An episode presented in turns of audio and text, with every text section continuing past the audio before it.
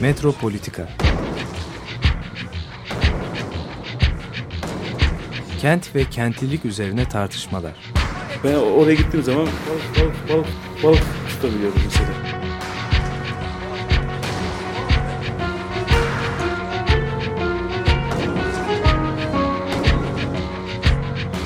Hazırlayan ve sunanlar Aysim Türkmen ve Korhan Gümüş. Takusuyor ya. kolay kolay boşaltamadı. Yani elektrikçiler terk etmedi Perşembe Pazarı merkezini.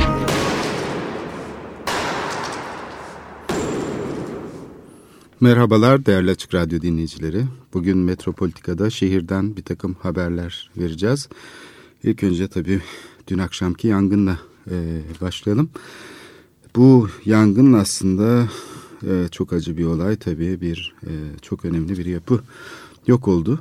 E, özgün e, şeyleri olan, e, tavan süslemeleri olan, Boğaz'ın e, içinde saray yapı kompleksin bir parçasını oluşturan, bir ekini oluşturan Galatasaray Üniversitesi'nin e, tarihi yapısı dün akşam yok oldu.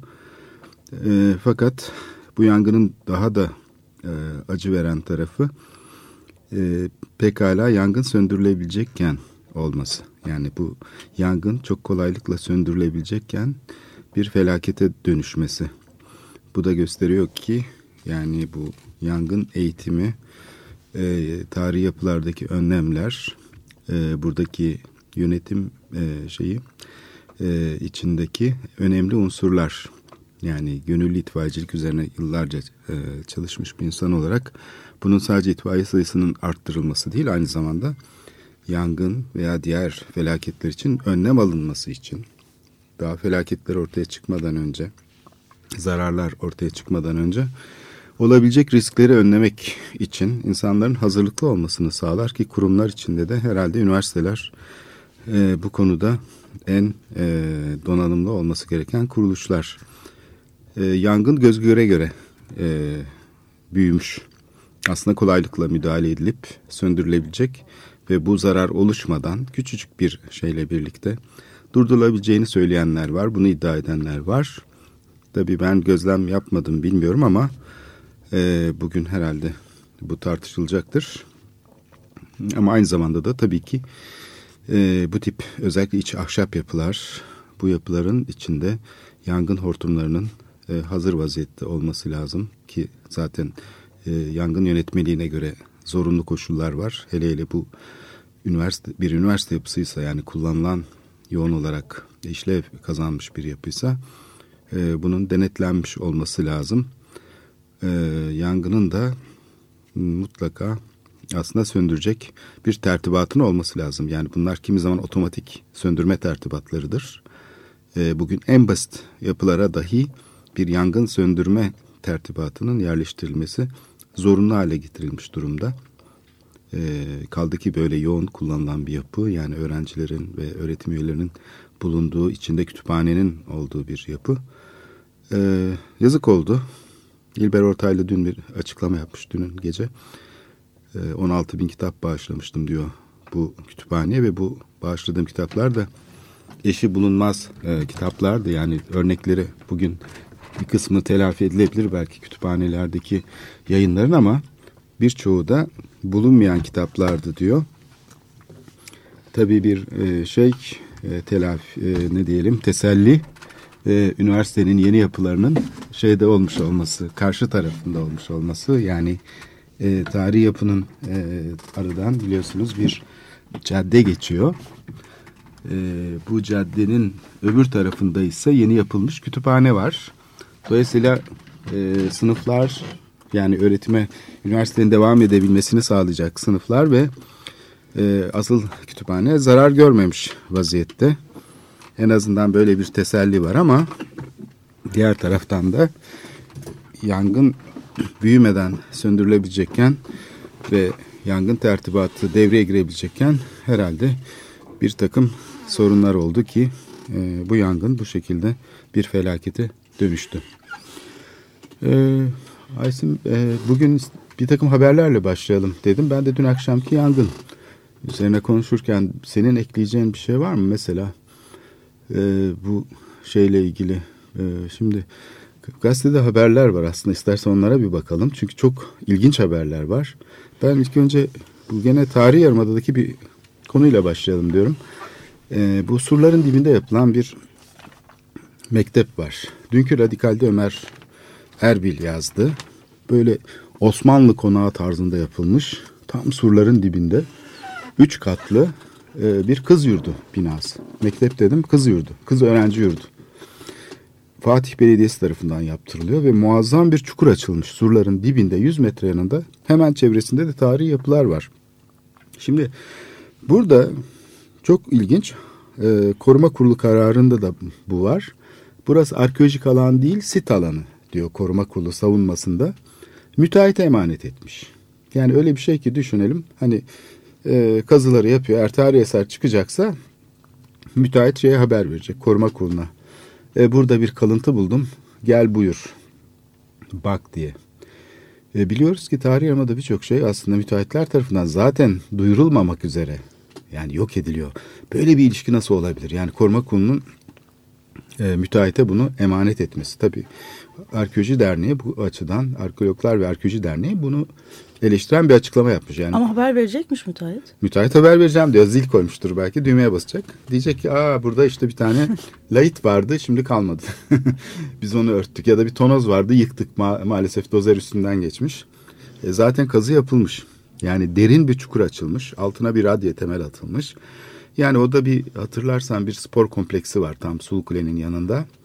Nasıl bir felaket? İkinci bir felaket daha yapılıyor. Ben şimdi bu arkeolojik kazı meselesini tamam dert ediyoruz. Yani kazının müze uzmanları tarafından yapılmamasını. Ama peki projeye ne demeli? Yani buradaki bu, yani tarih yarımada tabii ki dönüşecek değil mi? Yani bir gelişme yaşanacak. Yani hiçbir şey yapılmasın böyle kalsın falan dediğimiz yok. Ama bu gelişmeyi nasıl yönetiyoruz? Müteahhitlerin yaptığı projelerle. Çok ilginç bir şey bu. Yani tarih yarımada da özellikle birkaç tane konu Ama belki iyi niyetli müteahhitler olabilir. Sen kötü niyetlisin. olabilir tabii. Ben müteahhitlere zaten kızmıyorum. Burada yönetime kızıyorum. yani yönetime de kızmıyorum. Bu durumu yani hepimizi bunun ortak olarak yani konuşulmayan kısmını e, biraz da işaret etmek istiyorum. Çünkü tamam Yeni Kapı'da mesela ki biraz sonra ona da değineceğiz. E, arkeolojik buluntular müze denetiminde e, şey yapıldı, çıkarıldı ve işte beş senedir kazılar devam etti falan. E, siyasetçiler buna bazen itiraz ettiler, bazen kızdılar falan ama hiç olmazsa kim zaman 500 kişiyi bulan çalışanıyla burada İstanbul Arkeoloji Müzesi'ne bağlı ve İstanbul Üniversitesi'ne bağlı e, kişiler e, çok disiplinli bir şekilde bu alandaki kazıları yönettiler. Bir kazı başkanı vardı orada. E, gerçi tek başına arkeolojik kazı böyle bir kentsel mekanda yeterli değil yani arkeolojik kazının müze denetiminde yapılması. Fakat genel uygulama yani işte de, Four Seasons Otel'in yanında da gördüğümüz gibi falan bütün bunlar aslında tek bir alanmış gibi arkeoloji tanımlanıyor. Oysa ki yani kara surları üzerinde bir yönetim planı uygulama sorumluluğu var şu anda Büyükşehir Belediyesi'nin. Yani İstanbul'un Dünya Miras Listesi'ndeki dört alanından biri bu kara surları bölgesi. Ve buradaki yönetim planını hazırlamadan çivi çakamaması lazım belediyenin. Site yaptı. İşte yani bu Sulukule'de su- site var. işte burada zaten tam e, şey de burada kopuyor. İpin koptuğu nokta burası. Çünkü niye? Müteahhitlere yaptırıyor projeleri ya da yatırımcılara. Mimarlar da müteahhitlere hizmet veriyor. Mesela Sulukule'de e, çok ter döktük hani bu projeye alternatif ne yapılabilir diye. E, teknik üniversitenin hocaları yapıyordu yani o Sulukule'deki projeyi ve kimseden de ses çıkmıyordu. Sanki yani Fatih Belediye Başkanı eline kalem almış, oturmuş çiziyor gibi. Yani burada temel bir hata var. Mesela Kanal İstanbul projesini konuşurken, Taksim'deki kışlayı konuşurken zannediyoruz ki bir gün başbakanın aklına esti. Ya şuradan bir kanal açsak dedi. Ya da şu Taksim'e ya eskiden ne güzel hatırlardık çocukluğumuzda patlamış mısır yerdik orada. Ee, bir tane kışla vardı falan böyle bir şey hatırladı. Yok başbakanın bundan haberi bile yok. Büyük olasılıkla. Yani bunları aslında birileri başbakan istiyor falan gibi aslında yani proje geliştirme ortamı o kadar çıkara ve şeye e, kapalı bir e, alanda yer alıyor ki aslında Çıkara sanki- kapalı. Ha, çıkara bağlı ve şeye kapalı.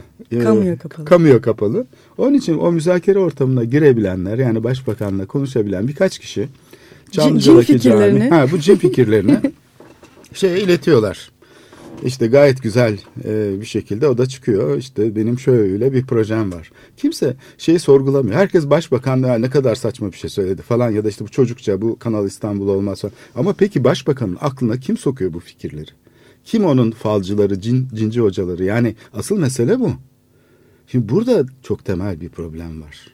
Yani bu neoliberal sistemin galiba işleyişindeki en temel problem burada koruma kuruluna, kurulunun müteahhite emanet etmesi gibi. Aslında başbakan da kendisini müteahhitlere emanet ediyor. Yani üçüncü şey havalanı projesinde mesela öyle, Kanal İstanbul'da öyle. Ee, bu şeyde yapılan tarla başında falan yapılan e, kentsel dönüşüm projelerinde böyle. Sürekli müteahhitler. Yani Fenerbalat'ta böyle.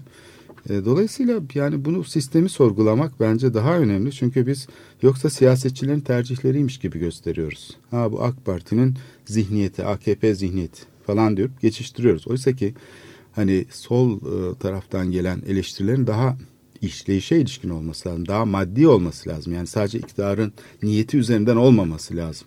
Ne yaptığını göstermesi lazım. Nasıl iktidarın nasıl işlediğini, kararları nasıl aldığını ve burada nasıl bir kriz yarattığını.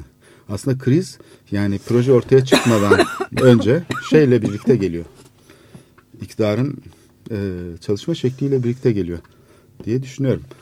Dolayısıyla burada e, arkeologlar nezdinde projenin kontrol edilmemiş olması değil, aslında bütününe bakmak lazım. Yani sadece arkeoloji müzesinin denetiminde kazının yapılmaması skandal değil aslında. Bütünüyle bir skandal. Yani burada böyle bir şeye karar verilmesi, gelişmenin bu şekilde yönetilmesi, üniversite öğretim üyelerinin sadece danışmanlık hizmeti vermesi bence çok büyük bir skandal. Yani nasıl müteahhitlerin proje işi yapması, ihaleyle alması bir skandalsa, proje işi çünkü bu şekilde tanımlanamaz yani. Kamusal işleyiş üzerinde mutlaka fikir üretiminin bir rolü olması gerekir. Dünyada böyledir bu iş.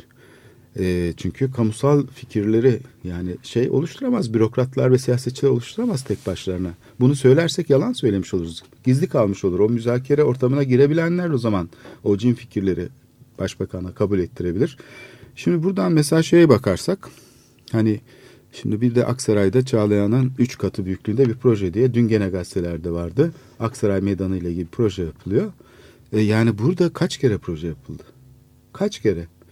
Yani ben 2007'lerde o Yeni Kapı'da asılan projeyi hatırlıyorum. Böyle çatısı dalgalı bir alışveriş merkezi projesi vardı Yeni Kapı'da. Dolayısıyla e, tamamen e, şey halinde yürüyor. Yani bütün hepsi e, bir kaotik bir şey haline gelmiş durumda. Şimdi burada kaç kere proje yapıldı derken e, şimdi bu projelerden bir tanesi uygulamaya geçiriliyor. Şimdi bu Aksaray'daki proje bu şeylerden tamamen bağımsız. Ee, Yeni Kapı'daki Aksaray Meydanı ile birlikte ele alması gereken, ele alınması gereken bir proje biliyorsun. Yeni Kapı çünkü İstanbul'un en büyük transfer merkezi oraya inşa ediliyor. Daha önce bir üniversitenin işte şeyleri, hocaları bir proje çizmişler. Daha önce işte o metro istasyonlarını falan da yapan e, kişiler ve tesadüfen gördük yani orada böyle bir şey duvarda sergileniyor. Bitmiş artık proje. Paraları ödenmiş falan. Nasıl yapıldıysa bir proje yapılmış. Oysa ki bu alanda UNESCO yükümlülüklerine göre yani Türkiye'nin imzalamış olduğu sözleşmeye göre bir e, yönetim planının bir uygulamasının gerçekleşmesini istiyor UNESCO. Ve İstanbul'da gene aynı üniversitenin bazı öğretim üyelerinde danışmanı olduğu şekilde bir yönetim planı hazırlığı içinde. İşte bu ilişki kurulması gerekirdi. Kültür Başkenti programına da onun için konuldu. O zamanki işte Dünya Miras Komitesi Başkanı Bandarin'le bu konu müzakere edildi. Büyükşehir temsilcileri de bu toplantılara katıldılar. Ve talep edilse, biraz zorlansa belki bu yeni kapıda iptal edilen proje, sonra da bir ihale yapıldı. Bir şehircilik firması aldı ihaleyi. O proje de geri çekildi. Çünkü o proje de bu e, girişim sonucunda geçersiz kaldı. Aynı daha önce e, üniversite hocaların hazırlamış olduğu alışveriş merkezi projesi gibi. Sonra ikinci ihale de Fatih Belediyesi tarafından yapılan proje de, ihalesi de e, aslında bir şey olarak e, çalıştı. Yani bir mimari şeye sonuca dönüşmeden e, hazırlık projesi halinde kaldı. Fakat bunun ötesinde bir master plan hazırlanması, bir yönetim planının bir uygulama safhası olarak bir mikro bölgeleme e, şeyi alanı olarak Yeni Kapı'nın, işte Karasurlar'ın, Sultanahmet Arkeolojik Alanı'nın, Sulukule ve çevresindeki kentsel dönüşüm alanı bunların hepsi için Kültür Başkenti programında biliyorsun projeler yer alıyordu, proje teklifleri. Yani Başbakan e, İstanbul'un adaylığını açıkladığı zaman e, Brüksel'e dosyayı İstanbul Büyükşehir Belediye Başkanı Kadir Topbaş ve İstanbul Valisi Muammer Güler tarafından dosyayı kendi imzasıyla gönderdiği zaman o dosyanın içinde bunlar yer alıyordu. Bu taahhütler yer alıyordu.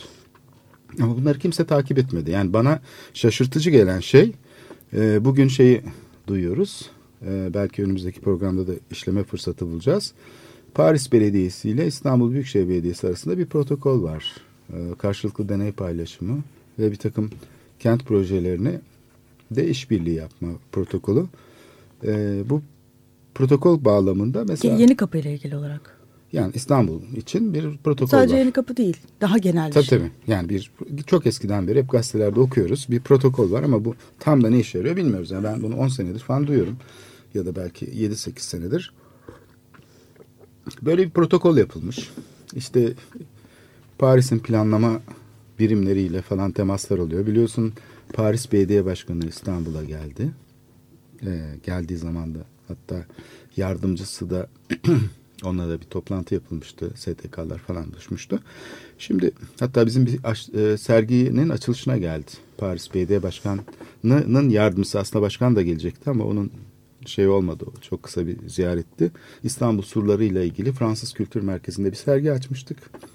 Belediye Başkan Yardımcısı da geldi. O zaman da konuşuldu bu konu. Şimdi İstanbul Büyükşehir Belediyesi bir taraftan da bu Yeni Kapı Aksaray bölgesindeki e, dönüşümü bir e, alan yönetim programının bir parçası haline getirmek için Paris Belediyesi ile görüşmeler yapıyor.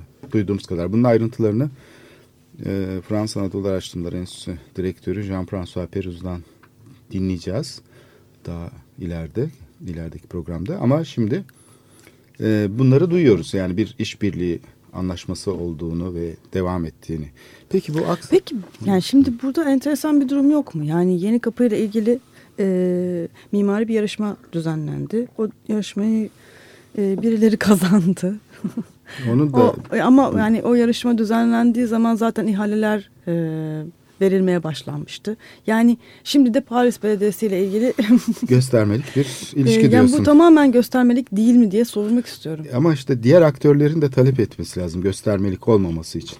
Yani şimdi Ama yani yeni hani, kapıdaki şeyi eğer proje sürecini e, üniversite öğretim üyeleri bir alışveriş merkezi olarak görüyorsa orada bir problem var bir kere. Yani belediye yani burada bir zorluk yaşaması lazım. Yani siyasetçilerin karşısında siyasetçiler bu tip entelektüel e, alanlara, profesyonel alanlara açık, açılmakta çok başarılı değillerdir.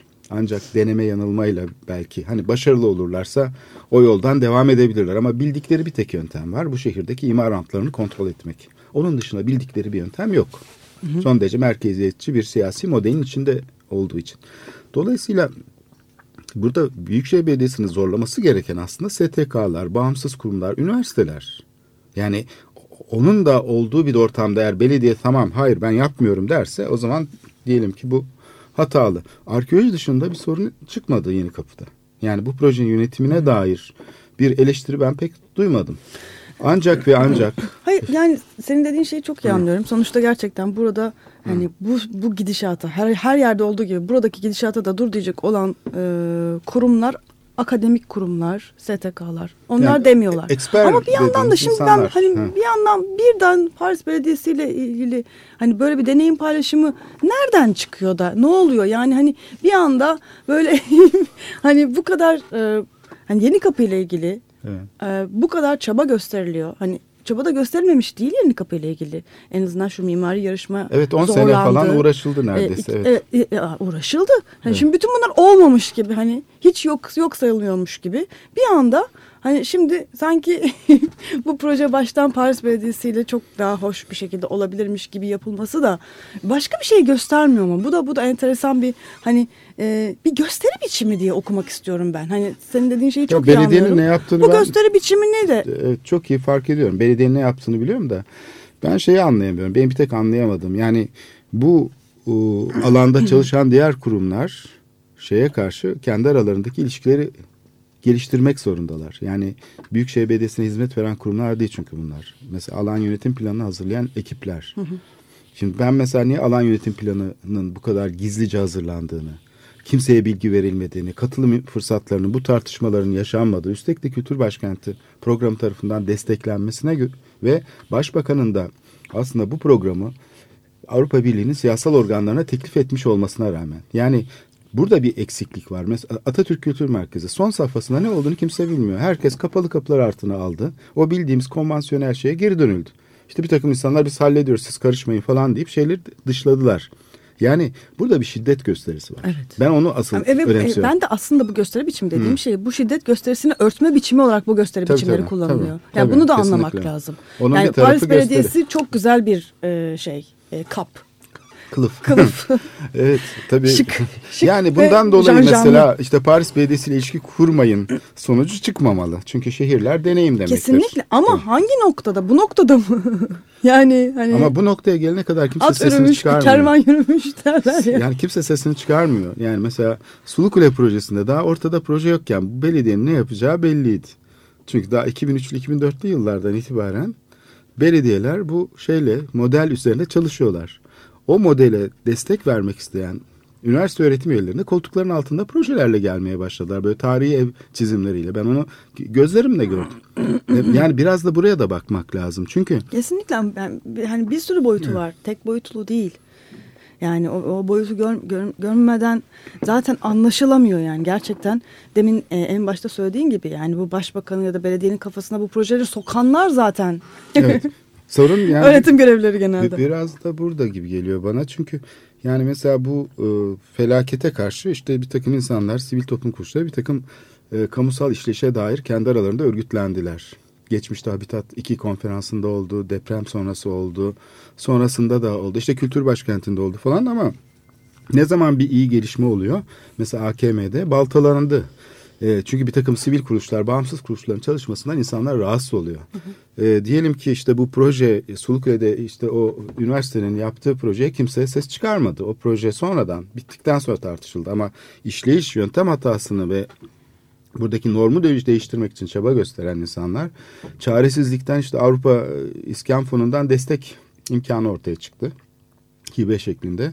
Yeşiller e, büyük bir baskı yaptılar belediye Avrupa Parlamentosu'na gitmeden önce taşınmadan. Çünkü bu işte yani Avrupa İnsan Hakları Mahkemesi kararlarıyla vesairesiyle e, başının belaya gireceğini bel, şey yaptılar gösterdiler. Belediye başkanı tabii yani bu işi bilmiyor. Böyle bir deneyimi de yok. Tabii yani şey bulunamadı. Partner bulunamadı. Yani bu proje üzerine çalışacak London College Üniversitesi bir tek destek verebildi o zaman. Ona da insanlar işte şey dediler. Aa bizim projemizi yabancılar mı yapacak? İşte Avrupa Birliği zaten emperyalist bir güç buradan destek alınır mı falan gibi. Ben o zaman gelen eleştirileri ve bombardımana tutuldu yani o sivil kuruluşlar ve bağımsız insanlar. Bir de bu tarafı var işin. Şimdi burada çok temel bir konu var. Bugün e, gazetelerde gene Ok Meydanı ile ilgili bir haber var. E, Daha doğrusu dünkü gazetelerde. Bir de Aksaray'la ilgili.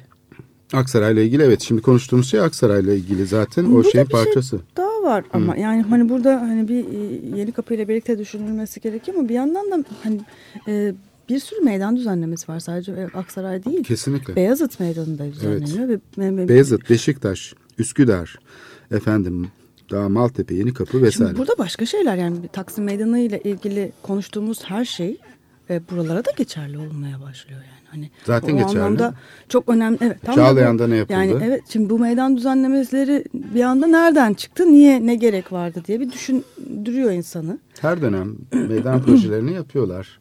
Bu e, tünel projelerini kim yaptı? Kimlerin yaptığı belli. Ondan sonra bir daha kim yaptı? Yani her dönem Taksim'deki tünel projelerini e, kimlerin yaptığı belli. Yani bunlar hep gösterini geri geri dolaşıyorlar ortada. İşte bir dolu mimar var. Evet ama bu burada hani bir anda böyle meydanları bir şekilde düzenleme e, hani hep vardı ama sanırım başlanıyor. Yani bu e, uygulamaya geçildi. Yani Taksim Meydanı'na ilgili hani senin e, anlattığın en az 20 senesi var bu işin. Belki 30 senesi var. Ama şu anda yapılıyor. Ama hani aynı yani- şekilde diğer meydanlarda da bir anda bu bütün bu uygulamaya geçirilmesinde acaba insan hani düşünüyor. Hani bu bir hani kentte gelişmekte olan, gelişebilecek olan politikliğe bir şey mi? Hani o, özellikle Beyazıt Meydanı'nın diye Ben düşününce. pratik bir şey söyleyeyim Aksaray. mi? Ben çok pratik yani pratik tarafları eminim vardır. Ama bunun politik tarafları da çok ciddi bir şekilde Ama var. politik yani bunları- pratik zaten bu tam. Çünkü her dönem bir BD başkanı oluyor. Projesini tam hazırlıyor. Uygulamaya geçecek yönetim değişiyor. İstanbul'da genellikle böyle oldu. Çünkü Ali Fit Gürtuna'nın 550 projesi içinde de meydanlar vardı. İşte Sözen zamanında da gene üniversitelerin hazırladığı bir takım projeler vardı. Peki Peki bunlar ne niye gereği uygulanmadı? vardı? Yani bütün bu meydan düzenlemelerine baştan itibaren yani ne gerek var? Ee, Şu anda mesela Taksim Meydanı Evet. hani e, çok basit düzenlemelerle olabilecek yani bunu çok, çok konuştuk. Evet. Ee, bir, bir şekilde korkunç e, büyük e, Hmm. hem de mali masrafı çok yüksek e, olan bir müdahale yapılıyor. Şimdi Beyazıt Meydanı ile ilgili benim öğrencim bir e, fotoğraf çalışması Hmm. yaptı. Hakikaten çok enteresan e, bir yapısı var. E, belki dünyanın en uluslararası meydanlarından bir tanesi. Kullanım biçimi itibariyle. Kullanım biçimi Evet. itibariyle. Yani alt sınıf uluslararası bir mekan. Ama yani e, neredeyse Türk geçmiyor. yani işte Afganlı olan, İranlı olan e, bir sürü e, değişik e, coğrafyadan gelen insanların bir şekilde var olabildikleri, hem zaman geçirebildikleri hem iş işlerine giderken kullandıkları çok önemli bir merkez işlevi görüyor mesela o meydan. Yani insan niye Beyazıt Meydanı düzenleme yapılıyor? Ee, Beyazıt Meydan için e, ben yani şey herhalde 90'lı yıllarda yapılmış bir projeyi gördüm. Yani şimdiki hali çok daha iyiydi. o yaptıkları düzenleme felaket bir şeydi. Ee, niye yapılıyor? Şimdi bunun tabii çeşitli açıklamaları var. Bir tanesi her dönem bu neoklasik iktidar yani ideolojik diyelim şeyini kamusal alanlar aynasıdır. Kamusal alanlara yansıtmak ister. Yani kendi şeyini, varlığını, gücünü, hakimiyetini kamusal alanda ispatlamak ister iktidarlar. Başka nerede gösterebilecekler? Yani özel alanda gösteremezler. Sermayenin alanında gösterebildikleri şey sınırlıdır. İşte ne bileyim TOKİ konutlarının mesela işte Selçuklu Osmanlı tarzında yapılması gibi falan gösterilere ihtiyaç duyarlar ki e, bu şey yani bu işin e, politik tarafı. Pratik tarafına gelirsek Ali Müftü Gürtün'a bunu söylemişti. Yani işte şey yapmak gerekir. Yani yılda 2000 tane, 3000 tane proje veriyorlar, proje işi. E bu kesimlere de tabii proje işi yaptırtmak gerekiyor. Bunlar uygulansın diye yapılan projeler değil çoğu. Yani bir tür hani araştırma gibi de kabul edilebilir. E, bir takım kesimlere nasıl müteahhitlik işlerini dağıtıyorlarsa uygulama işlerini bir kesime de proje işi dağıtmak zorunda belediye. Onları tatmin edebilmek için, onları yanına alabilmek için. Aslında biraz böyle çıkar mantığıyla da bakılıyor işe. Yani kendi kamu yararını temsil eden gruplar. İşte bir kesim müteahhitlik aracılığıyla ediyor. Bir kısım bilim aracılığıyla, bir kısım işte mimari tasarım falan. Bu grupların hepsine şeyi pastadan pay vermek gerekiyor. Onun için de proje yaptırılıyor. Herkes bu tarafını küçümsüyor. Yani yok canım işte proje üzerinden tartışılıyor falan ama yöntem olarak da e, projelerin böyle bir işlevi var. Ya uygulanmak zorunda değil. Belediyede tonlarca dosya var. Yani çocukları Uygulanmamış. eğlemek gibi bir şey yani. Bizim çocukları eğlememiz lazım. Bir oyuncaklar bulmamız lazım. Hadi bir de meydan düzenlemesi yapalım.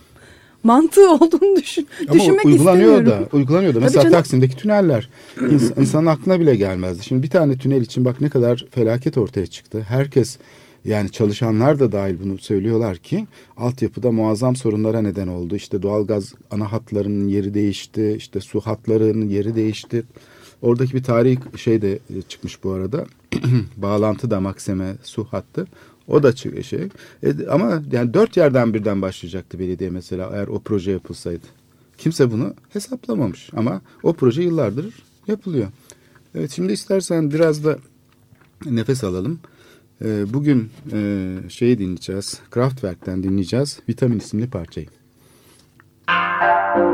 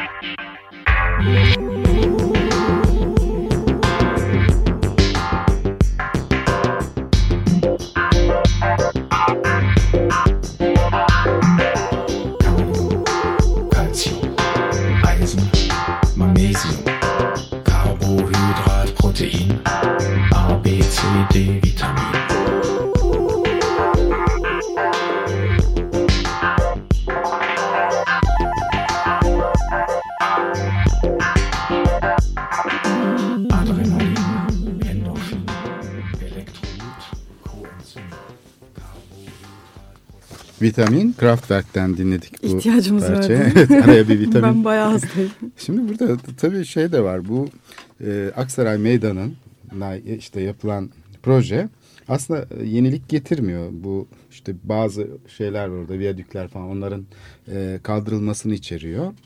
Yani bazı şeyler tabii yapılmalı. Zaten biz bir programda konu etmiştik hatırlarsan. iki tane e, hızlı tramvay hattının birleştiği noktanın arasında bir saatlik bir yürüyüş mesafesi var. O da üstelik de bir üst geçitten falan geçiyor. Yani havalanından gelen şeyle diyelim hızlı tramvayla işte ya da hafif metro da deniyor ona.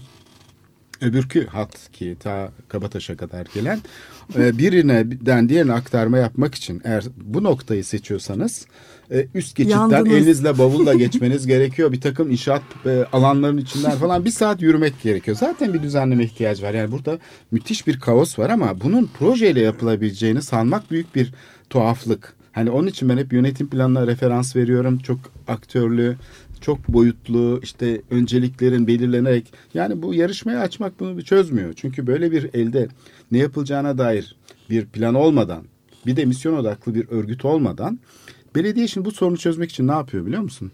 Taksim'de yaptığını yapıyor. E, meydanın projesini sanki tartışılmışmış gibi, konuşulmuşmuş gibi e, imar planlarını işliyor. Taksim'deki dikkat edersen e, bu ahtapot gibi olan düzenleme İlk planda görüldü. ilk imar planı Tabii. şeyinde gördük. Aa! tadilatında Hatta görüldü. şok olduk. Aa, aa. Şimdi bu çok Biz ilginç. Beyoğlu ile ilgili bir şey hatta değil mi? Evet. Beyoğlu ile ilgili konuşurken Plana bakarken bir, anda bakıyorsun bütün orada mimari proje var. değişti. Evet. Şimdi mimari projelerle plan arasındaki ilişkinin bence tanımlanması lazım. Yani ben şimdi diyelim ki böyle bugünkü tekniklerle çok mükemmel e, küçücük bile şeye sığdırabilirim. Böyle mikrofilm gibi hani küçültülür diye eskiden casuslar böyle haritaların fotoğrafını falan çeker. Her yerden böyle derinlemesine gidebilirsin. Yani öyle bir şey olabilir ki bir nokta kadar bir yere bin misli, yüz bin misli büyüterek onun içindeki detaylara bile binanın mesela kapısına kadar gösterebilirsin istersen planlarda. Yani planda bu gösterilebilir. Ölçek yani bir bölü bin ölçekli ya da bir bölü beş bin ölçekli olması gösterilemez anlamına gelmez. Önemli olan bu yaklaşımın yani bu ölçekteki bakışın metodolojisidir. Önemli olan oraya işlemek değildir. Hem belediye burada açık gözlük ediyor. Burada hani e, sanki bu iş sadece bir ölçek meselesiymiş gibi. Yani o ölçekte temsil zor olduğu için proje yer alamaz ama nedir efendim e, daha küçük ölçekli bir bölü bin planlarda biraz gözükebilir. Hayır onunla hiç alakası yok. Çünkü planlar böyle bir şeyleri tanımlayamazlar. İnsanların nasıl yaşayacağına da o zaman karar versinler. Yani evlere kadar plan girsin. İnsanların yatak odasında ne zaman uyuyacaklarına kadar karar versinler. Böyle şey olur mu? E zaten öyle değil mi?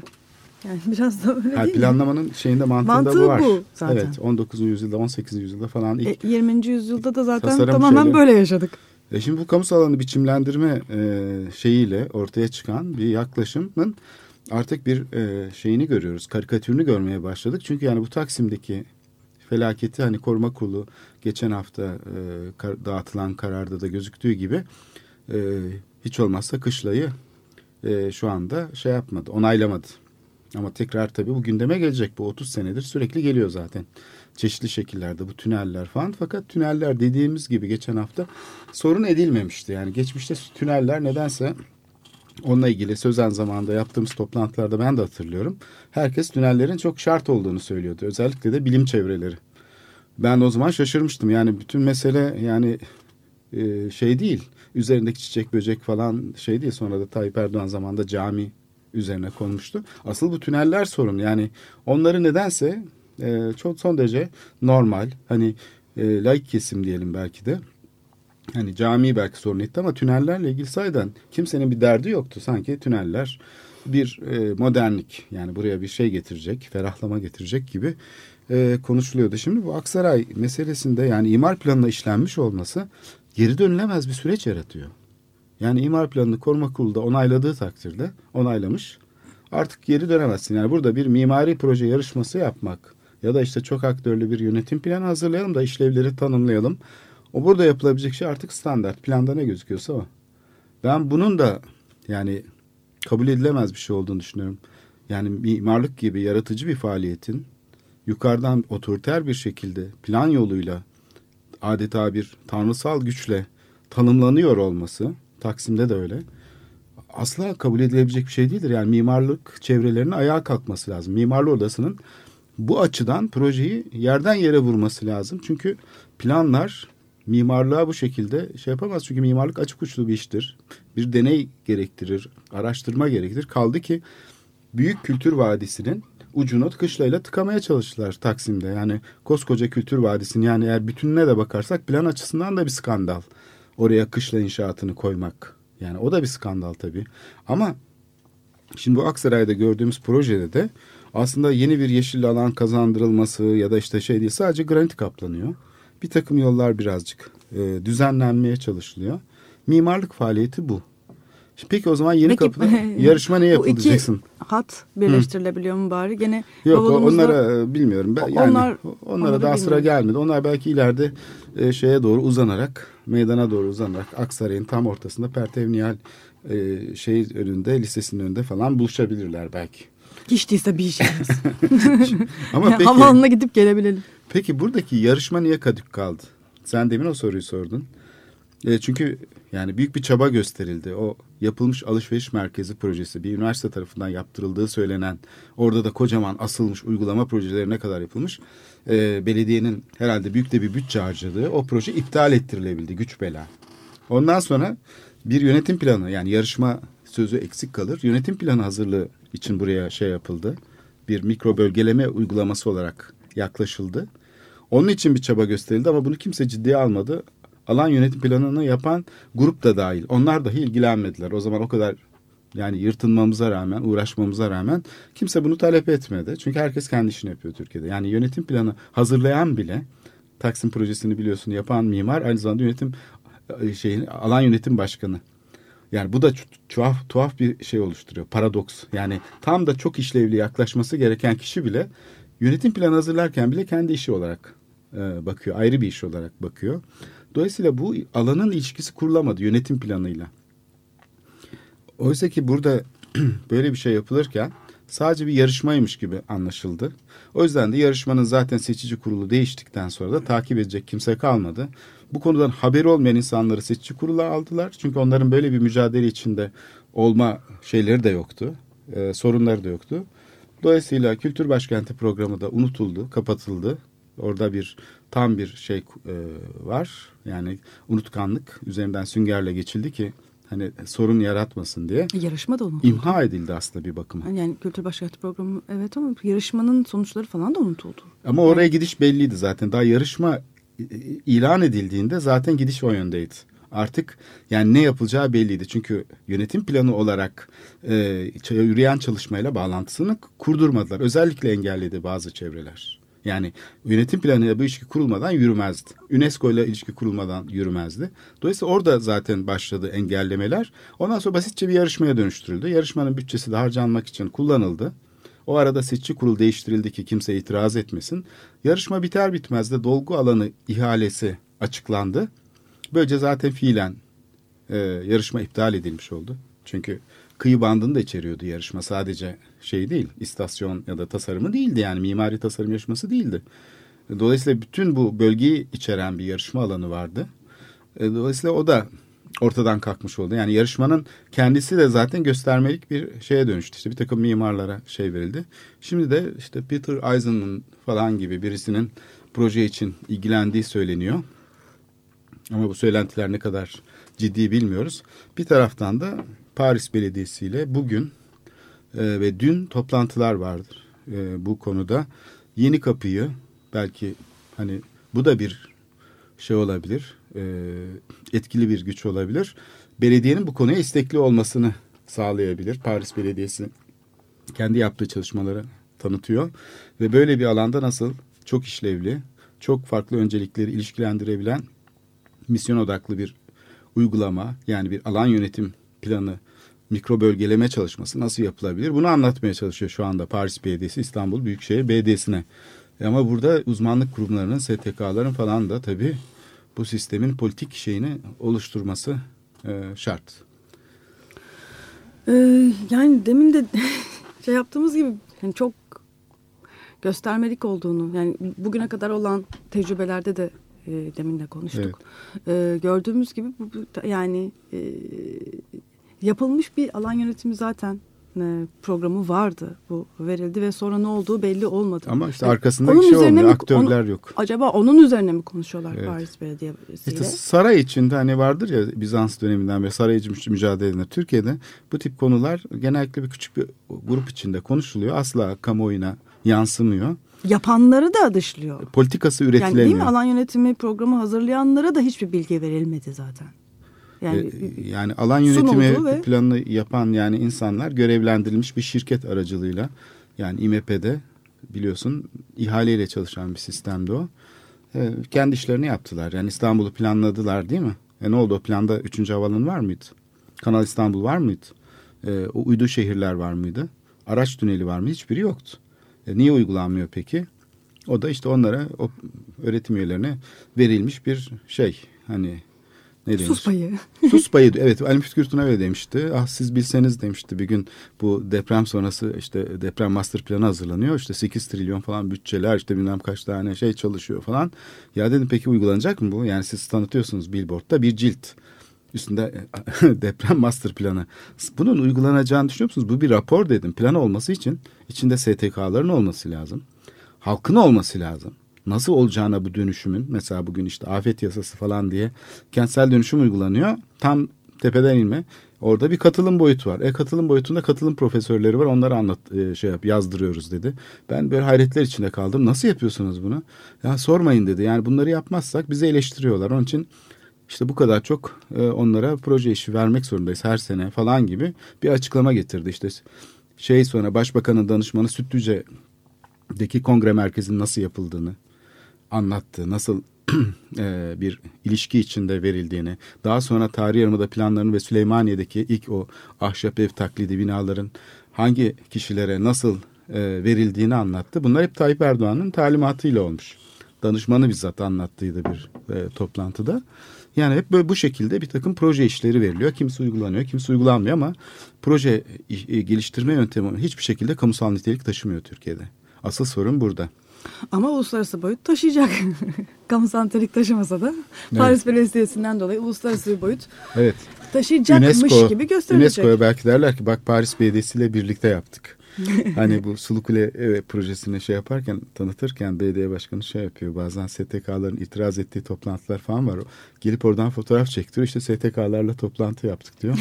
belki de burada da şeylerle birlikte işte biz o Paris Belediyesi ile birlikte yaptık bu işi falan deyip e, UNESCO'ya bir şey e, kendilerine sempati e, alanı yaratmaya çalışırlar. Ben bu ok meydanındaki şeye de son olarak değinmek istiyorum. E, kentsel dönüşümle ilgili şey bir itiraz var. Dün evvelki gün belediyenin önünde gene bir kalabalık toplandı. E, bu şey e, Ok Meydanı Piyale Paşa arasındaki bölgenin e, imar planları şu anda kabul edilmiş durumda, onaylanmış durumda ve bu yüzden e, 100 bin kişinin yaşadığı dört mahalleden söz ediyoruz. E, bu e, aynı tarla başındaki gibi yıkılarak insanları yerinden ederek yapılması planlanan bir proje. Semtler şey istiyor. Madem belediye başkanı şimdi diyor ki hiç merak etmeyin sizin için iyi olacak falan. O zaman taahhütname istiyoruz diyorlar. Yani bize taahhüt ettiğin kadar mülkü şeyi geri vereceğini ve bizim buradan gitmeyeceğimizi teminat altına al. Bunun için bir gösteri yaptılar. Ok meydanı Sulukule olmayacak diye ellerinde pankartlar vardı. O pankartları taşıyan insanlar da çok enteresan. 97 yıl, yılında e, bizim derneğin de içinde bulunduğu bir grup birkaç kişi öğrenciler de bunlar daha çok yetişkin insanlar değil. E, şeyde e, planlama e, toplantıları düzenlediler. Planı tanıtma ve katılım e, ve biner kişi katıldı o toplantılara. Yaklaşık her toplantıya beş toplantı yapıldı. Çok küçük bir insan grubuydu bu toplantıları düzenleyen ama katılım çok genişti. Ee, ve 5000 kişi belediyenin önünde dizildi ve 5000 kişi aynı saat içinde itiraz dilekçesi verdi. Ben bunu radikalde falan yazmıştım. Olağanüstü bir gündü o gün. Belediye başkanı korktu. Çünkü o itiraz edenler 97'de. içinde 97'de kendi seçmenleri de vardı. Ve 5000 kişi bütün Şişhane Meydanı'nı doldurdu taştı. Şeylere kadar uzandı. Kasımpaşa'ya kadar uzandı bir kalabalık ve belediye doğru yürüdü. Belediye başkanı perdenin arasından bakıp e, yapmayacağız yapmayacağız. Gelenlere şey diyordu. Ben de o grupla birlikte içeri girdim belediyeden. E, belediye başkanı şey diyordu. Merak etmeyin yapmayacağız. Yani daha yeni onaylanmış planın uygulanamayacağını anladı belediye başkanı. Şimdi aynı kişiler gene aynı şekilde belediyenin önünde gösteri yaptılar. Yani bu tekrarlanması ne kadar enteresan bir şey değil mi? Türkiye'de bak 97'den bugüne kadar geçen yani bunca sene içinde farklı bir kentsel dönüşüm modelinin hala da ya da kent iyileştirme modelinin konuşulamamış olması Fenerbalat'ta yapılan Avrupa Komisyonu projesine rağmen bu çok acıklı bir şey. Yani insanlar hala aynı şeylerle, dertlerle uğraşıyorlar. Bu nasıl bir haksızlık insanlara karşı? Yani. Ee, çok bildiğim bir alan değil ama mesela Fikirtepe ile farkı ne? Aslında Fikirtepe ile Ok Meydan arasında tabii çok da büyük bir fark yok. Fikirtepe'de müteahhitler oradaki mal sahipleriyle, mülk sahipleriyle anlaştılar. Çünkü Fikirtepe e, çok önemli bir merkez. Yani şu anda Anadolu yakasının en önemli merkezi olma yolunda. Mecidiyeköy'den falan kat kat daha değerli bir yer olacak. Yeni kapı gibi olacak. Ok Meydanı öyle değil. Ok Meydanı da kısmen öyle. Yani iki e, çevre yolu ba evet, bağlantısı arasında yani, ama şehrin merkezi. E, burada yalnız yaşayan insanların e, şey hakları yok. E, Fikirtepe'deki gibi değil. Burada Tapusuz. vakıf arazisi, hazine arazisi. Hazine arazisi olması. Burada çünkü belediye size merak etmeyin size vereceğiz bir şeyler falan diyor ama e, Fikirtepe'deki gibi tanımlı değil. Orada Fikirtepe'de müteahhitler arsa mülk sahipleriyle anlaşma yapıyorlar anlaşmaya karşılık da yani yapsatçı müteahhit modelini uyguluyorlar. Ama ok meydanında belirsizlikler hakim. Aynı e, şeydeki gibi yani burada aslında Armutlu'daki gibi yani Armutlu'da da insanların tapusu yok. Tapu tahsis belgeleri falan pek onlar sözde kalıyor. Şimdi burada çok önemli bir şey var. Cihan Uzun Çarşılı Baysal'ın e, İmece te televizyonunda anlattığı bir örnek var. E, bir Avrupa İnsan Hakları e, Mahkemesi kararı. Bunun ben bunun emsal oluşturabileceğini düşünüyorum. E, çünkü bugünkü kentsel dönüşüm uygulamalarında mülk sahibi olsan bile itiraz hakkın yok. Yani hele soruna dışarıdan müdahale ediyorsan yani bizim gibi ise seni e, şeyle e, susturuyor. Yani cezai yöntemlerle susturuyor. Yani senin itiraz etme hakkın hele hiç yok yani. Eğer mimari açıdan işte ya da insan hakları açısından konuya yaklaşıyorsan burada bir zorbalık var. Aynı zamanda e, tabii ki idare mahkemesine başvurma yani yürütmeyi durdurma hakkın da yok. Eskiden idare mahkemesi bazı durumlarda çalışıyordu ve yürütmeyi durduruyordu. Şimdi artık hukuksal olarak hiçbir engel yok. Sen haklı bile olsan Sulukule'de olduğu gibi sonunda proje kamu yararına uygun bulunmadı ve iptal edildi. Ama buna rağmen süreç sonuna kadar yürüdü. Dolayısıyla e, yürütmeyi durdurma hakkı da yok. Bir de cebri önlemler var. Yani gazı kesiliyor, suyu kesiliyor, elektriği kesiliyor. Bu kentsel dönüşüm uygulanan yerdeki insanlar zorla tahliye ediliyor. İşte Bulgaristan'daki bir roman mahallesiyle ilgili Avrupa İnsan Hakları Mahkemesi karar almış. E, Cihan Uzunçarşılı Baysal e, bunu çok güzel anlattı.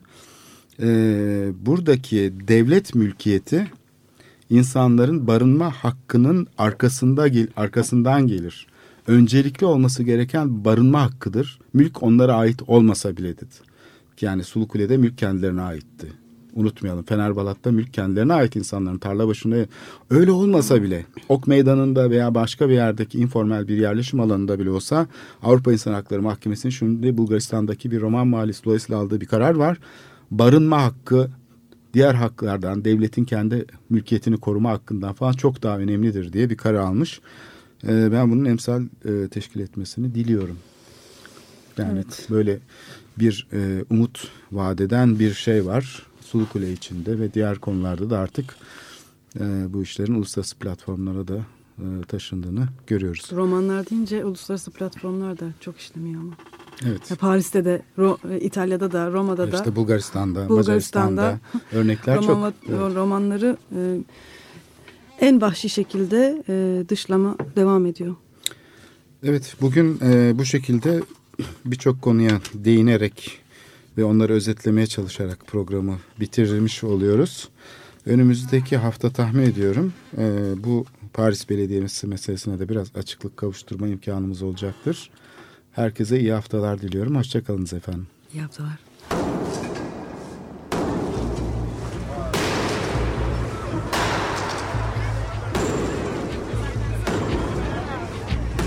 Metropolitika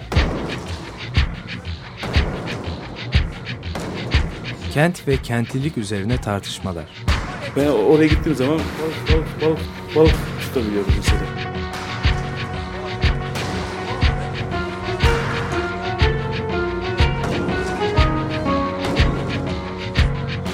Hazırlayan ve sunanlar Aysim Türkmen ve Korhan Gümüş. Takusuyor yani. Kolay kolay boşaltamadı. Yani elektrikçiler terk etmedi Perşembe Pazarı merkezini.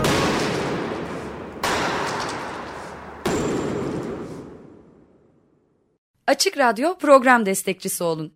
Bir veya daha fazla programa destek olmak için 212 alan koduyla 343 41 41